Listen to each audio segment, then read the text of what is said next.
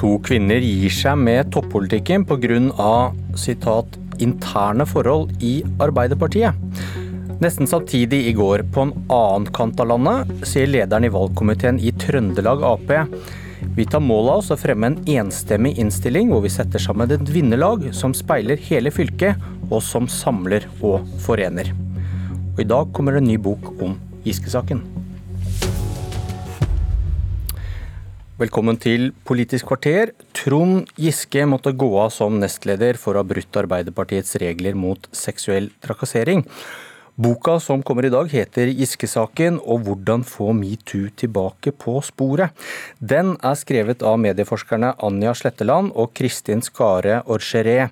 og de konkluderer med at et partis interne regler og en mangel på faste standarder for behandling av varsler bidro til at Giske-saken ble så betent. Løsningen?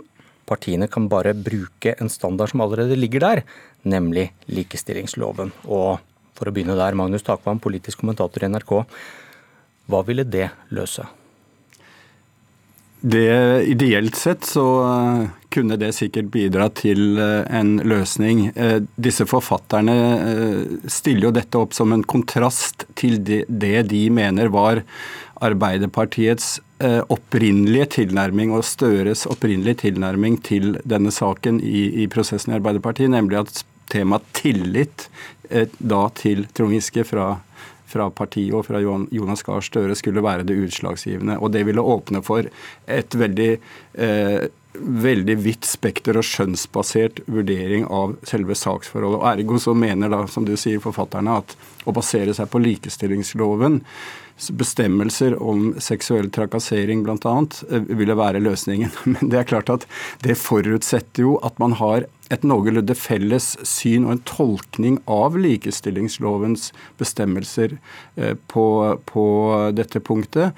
Og det, konflikten om det, uenigheten om det, har jo nettopp preget hele Giske-saken i Arbeiderpartiet. Da Giskes ektefelle i fjor høst kom ut med en bok, så polemiserte jo eh, likestillingsombud Hanne Bjurstrøm mot det inntrykket den boken eh, ga, nemlig at å bryte likestillingsloven er det samme som å foreta et straffbart forhold. Og hun sa at det er ikke riktig. Likestillingsloven er en sivilrettslig lov og innebærer ikke på en måte hele apparatet med etterforskning av politi, domstoler osv. Så, videre. så Så svaret er at det høres greit ut, men det blir blir eh, Det løser nok ikke problemet, tror jeg.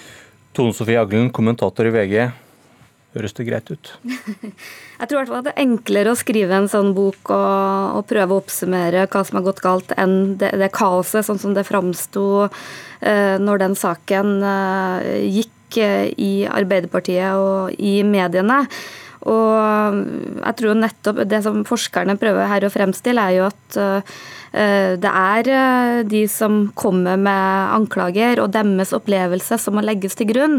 Og det er jo nettopp det som skapte en del av eh, uenigheten i denne Giske-saken. Og nettopp at det var stor uenighet både om hva som hadde skjedd og hva som var lov å stille spørsmål ved. Så jeg tror nok at det her er nok ikke så enkelt som det kan høres ut i denne boka. Og den viser også at denne saken er veldig prega av hva slags ståsted du har. Med oss fra Trondheim, Siv Sandvik, politisk redaktør i Adresseavisa. God morgen. God morgen. Du har også lest boka. Mener du den har funnet løsningen som kan forhindre at maktkamp og varsler om seksuell trakassering da blandes sammen? Nei, dessverre. Det hadde jo vært strålende hvis en bok hadde kunnet funnet løsninger på det. Men jeg tror rett og slett ikke det er mulig å vaksinere et eh, parti eh, mot eh, interne maktkamper og fløykamper, også i, i varslingssaker. Som det blir sagt her, ståsted vil alltid være avgjørende for hvem man stoler på, rett og slett. Og det er jo lettere for en partileder å konkludere, fordi det er nettopp konklusjonen som er stridens kjerne her. Det er jo ingen som er uenig i at et parti må sørge for å beskytte Eh, medlemmer og, og, tillitsvalgte mot seksuell trakassering så godt det lar seg gjøre, og sånn sett følge lovverket. Men når det kommer til svaret på spørsmålet har Trond Giske seksuelt trakassert kvinner eller ikke, så vil nok det svaret skape konflikt, uavhengig av om man legger eh, partiets egne retningslinjer eller lovverket til grunn. Eh, og som Takvam var inne på, også lovverk er jo åpent for skjønn, så det er jo ikke sånn at bare man bruker loven, så, så er det rett fram. Det er jo en grunn til at jurister krangler som Eh, bare det og er uenig i rettssaker f.eks., og at dommer tar lang tid å skrive og er komplisert. Det er ikke en, en enkel eh, løsning å, å bruke loven heller, når man skal trekke en konklusjon. Eh, verken Trond Giske eller noen i ledelsen i partiet vil kommentere denne boka, så er det sagt. Hvordan vil den kunne påvirke debatten i partiet, tror dere? Jeg, altså disse, denne boka er jo skrevet ut fra et uh, medieperspektiv. Det er medieforskere og retorikkeksperter som har skrevet den. og uh, i og for seg så syns jeg de uh, har en interessant tilnærming til selve mediedekningen av, av Giske-saken. Men de går jo selvfølgelig da ikke inn i selve Eh, kjernen til den striden, om du vil, som fremdeles pågår, nemlig om realitetene i eh, utgangspunktet når det gjelder varslersakene. De, de refererer bare liksom omtalen av dem. Eh, men altså, det de sier om mediedebatten er interessant, bl.a. at de har funnet at det ikke er snakk om, slik enkelte har hevdet, at det har vært snakk om en heksejakt utelukkende fra medienes side mot Trond Giske, og at Trond Giske selv eh, har eh, med en aktiv innsats også greid eh, å påvirke eh, debatten på en betydelig eh, måte et helt siste punkt er at de er veldig kritiske, som, som, det kan bli debatt om, er dette kildelovutvalget som ble nedsatt etter Bar Vulkan-saken. Eh, der er disse forfatterne svært kritiske til eh, kildene til kildelovutvalget, og de mener de ensidig har eh, hørt kilder som har hatt det perspektivet at Giske-saken i stor grad handlet om en heksejakt på, på Giske. Så mediedekningen tror jeg vil, vil, kunne Det de sier om mediedekningen, vil, vil, bli debattert. Så hører vi jo da i går og i helgen at eh, Marianne Martinsen og Jette Christiansen ikke tar gjenvalg til Stortinget. To relativt unge, profilerte kvinnelige politikere. Hva har det med Giske-saken å gjøre, Aglen? Nei, At eh, Marianne Martinsen eh, mista motivasjonen, har jo vel en klar sammenheng med at hun mista vervet som finanspolitisk talsperson i Arbeiderpartiet til fordel for Trond Giske etter valgnederlaget i 2017. Det har hun vel vært eh, åpen om. Og det her var jo før Giske-saken og før metoo, som på en måte viste at det var en, eh, en maktkamp eh, i Arbeiderpartiet. Og jeg tror nok at mye av stemninga i partiet har vært dårlig.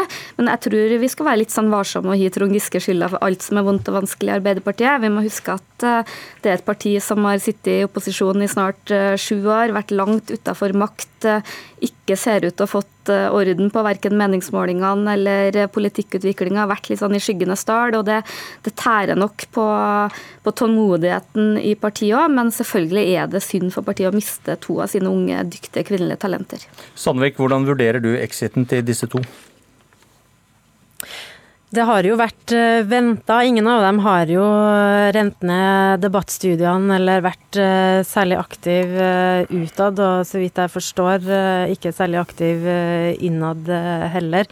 Så i hvert fall for folk som har fulgt partiet, så, så kom ikke det her som noe bombe. Men det er det gir jo ikke et heldig signal utad. Og så er jeg helt enig med Aglen i at Eh, det er ikke alle utfordringer og problemer som Arbeiderpartiet har som kan tilskrives eh, Trond Giske og kontroversene rundt han. Så det disse to kvinnelige eh, stortingsrepresentantenes beskjed er et uttrykk for, er på en måte at det speiler også, føler jeg, en politisk konfliktlinje i Arbeiderpartiet utover selve Giske-saken.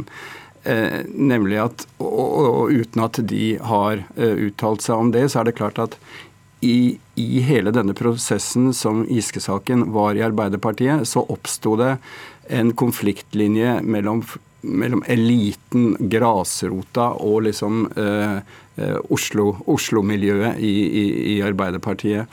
Og det er klart det er i øyeblikket en, en eh, krevende balansegang for Jonas Gahr Støre å balansere dette, bl.a.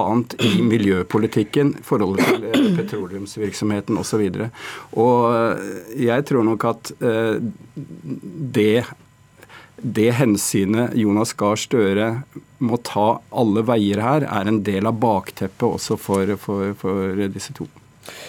Samtidig kan altså Trond Giske nå få sitt første tunge tillitsverv i partiet etter at han måtte gå av som nestleder i den nye ledelsen i Trøndelag Arbeiderparti. Og Siv Sandvik, det var møte i valgkomiteen i går, men det kom ingen nye avklaringer der, så vidt jeg forstår. Men hvordan ligger det an for Trond Giske? Nei, ulike ringerunder og tellinger eh, viser jo at han ligger godt an. Det er et eh, flertall av eh, lokallagene som eh, ønsker Trond Giske. Det viktigste er jo at Trondheim ønsker Trond Giske. Det er 225 delegater på det årsmøtet i, i Trøndelag eh, Arbeiderparti, og 74 av dem kommer fra Trondheimsdelegasjonen. Så det er klart at når Trondheim sier at de vil ha Trond Giske, og de har også gjort det klart, eller vi i Adresseavisen har erfart, at nå mener Trondheim at det er deres tur til å ha enten en leder eller en nestleder fra Trondheim i uh, toppen av Trøndelag Arbeiderparti. Det har de ikke hatt siden fylket ble slått sammen. Eh, så er det klart at alt ligger til rette, for å si det forsiktig, eh, for at Trond Giske blir, om ikke leder, så i hvert fall nestleder. Er du enig i det, Aglen? Ja, absolutt. Eh, han ligger eh, veldig godt an. Jeg må si jeg er nesten overraska over hvor mange lokallag som har foreslått eh, han som leder. Så at han får en plass i styret, det virker åpenbart. Om ikke noe uforutsett skjer, da. Det har jo skjedd før. Men så er jo spørsmålet om han blir leder, og det tror jeg er mer et uttrykk for om, om han vil sette hardt mot hardt Eh, for det vil jo være nesten umulig å få en samlende løsning om han. Eh, og der er det jo vurderinger som går på at eh, man like gjerne kan rive av plasteret og få han inn i den ledende posisjonen, for han har nok et flertall hvis man må stemme. Men så tror jeg nok også mange kvier seg for signaleffekten ved å sette han på topp. Og så merker jeg meg da at valgkomiteen, som tidligere har brukt ord som at de vil ha en samlende leder, de snakker nå om at de skal ha et, et lag som samler og forener, og det kan man jo også tolke tolke dit at, eh, at det å få Trond Giske inn også vil være en del av det å liksom forene partiet i Trøndelag. Altså, Man får jo litt uh, ulike svar når det gjelder vurderinger om hva det ender med her. Jeg, jeg, jeg har også registrert den opptellingen som, som uh, tilsier at Giske har bred støtte blant lokallagene i Trøndelag, så det, det, er, det, er, det ingen tvil om. Nå er det, så vidt jeg forstår, snakk om skriftlig votering i den typen valg på årsmøtet. Hvis det er, er, er riktig, så er det klart at hvis det blir en kampvotering, så kan man aldri være sikker på at alle følger eh, sitt eh, lokallag. Så en spenning er det der. Men i Giskes leir, for å si det slik, så er de 100% sikre på at han blir enten leder eller nestleder etter, etter årsmøtet. Men at det viktigste strategiske for Trond Giske er å bli renominert til Stortinget i 2021. Og dersom en en eh, måte å bli leder på vil skape så stor splittelse at, at, at det blir stor debatt om, om, om det.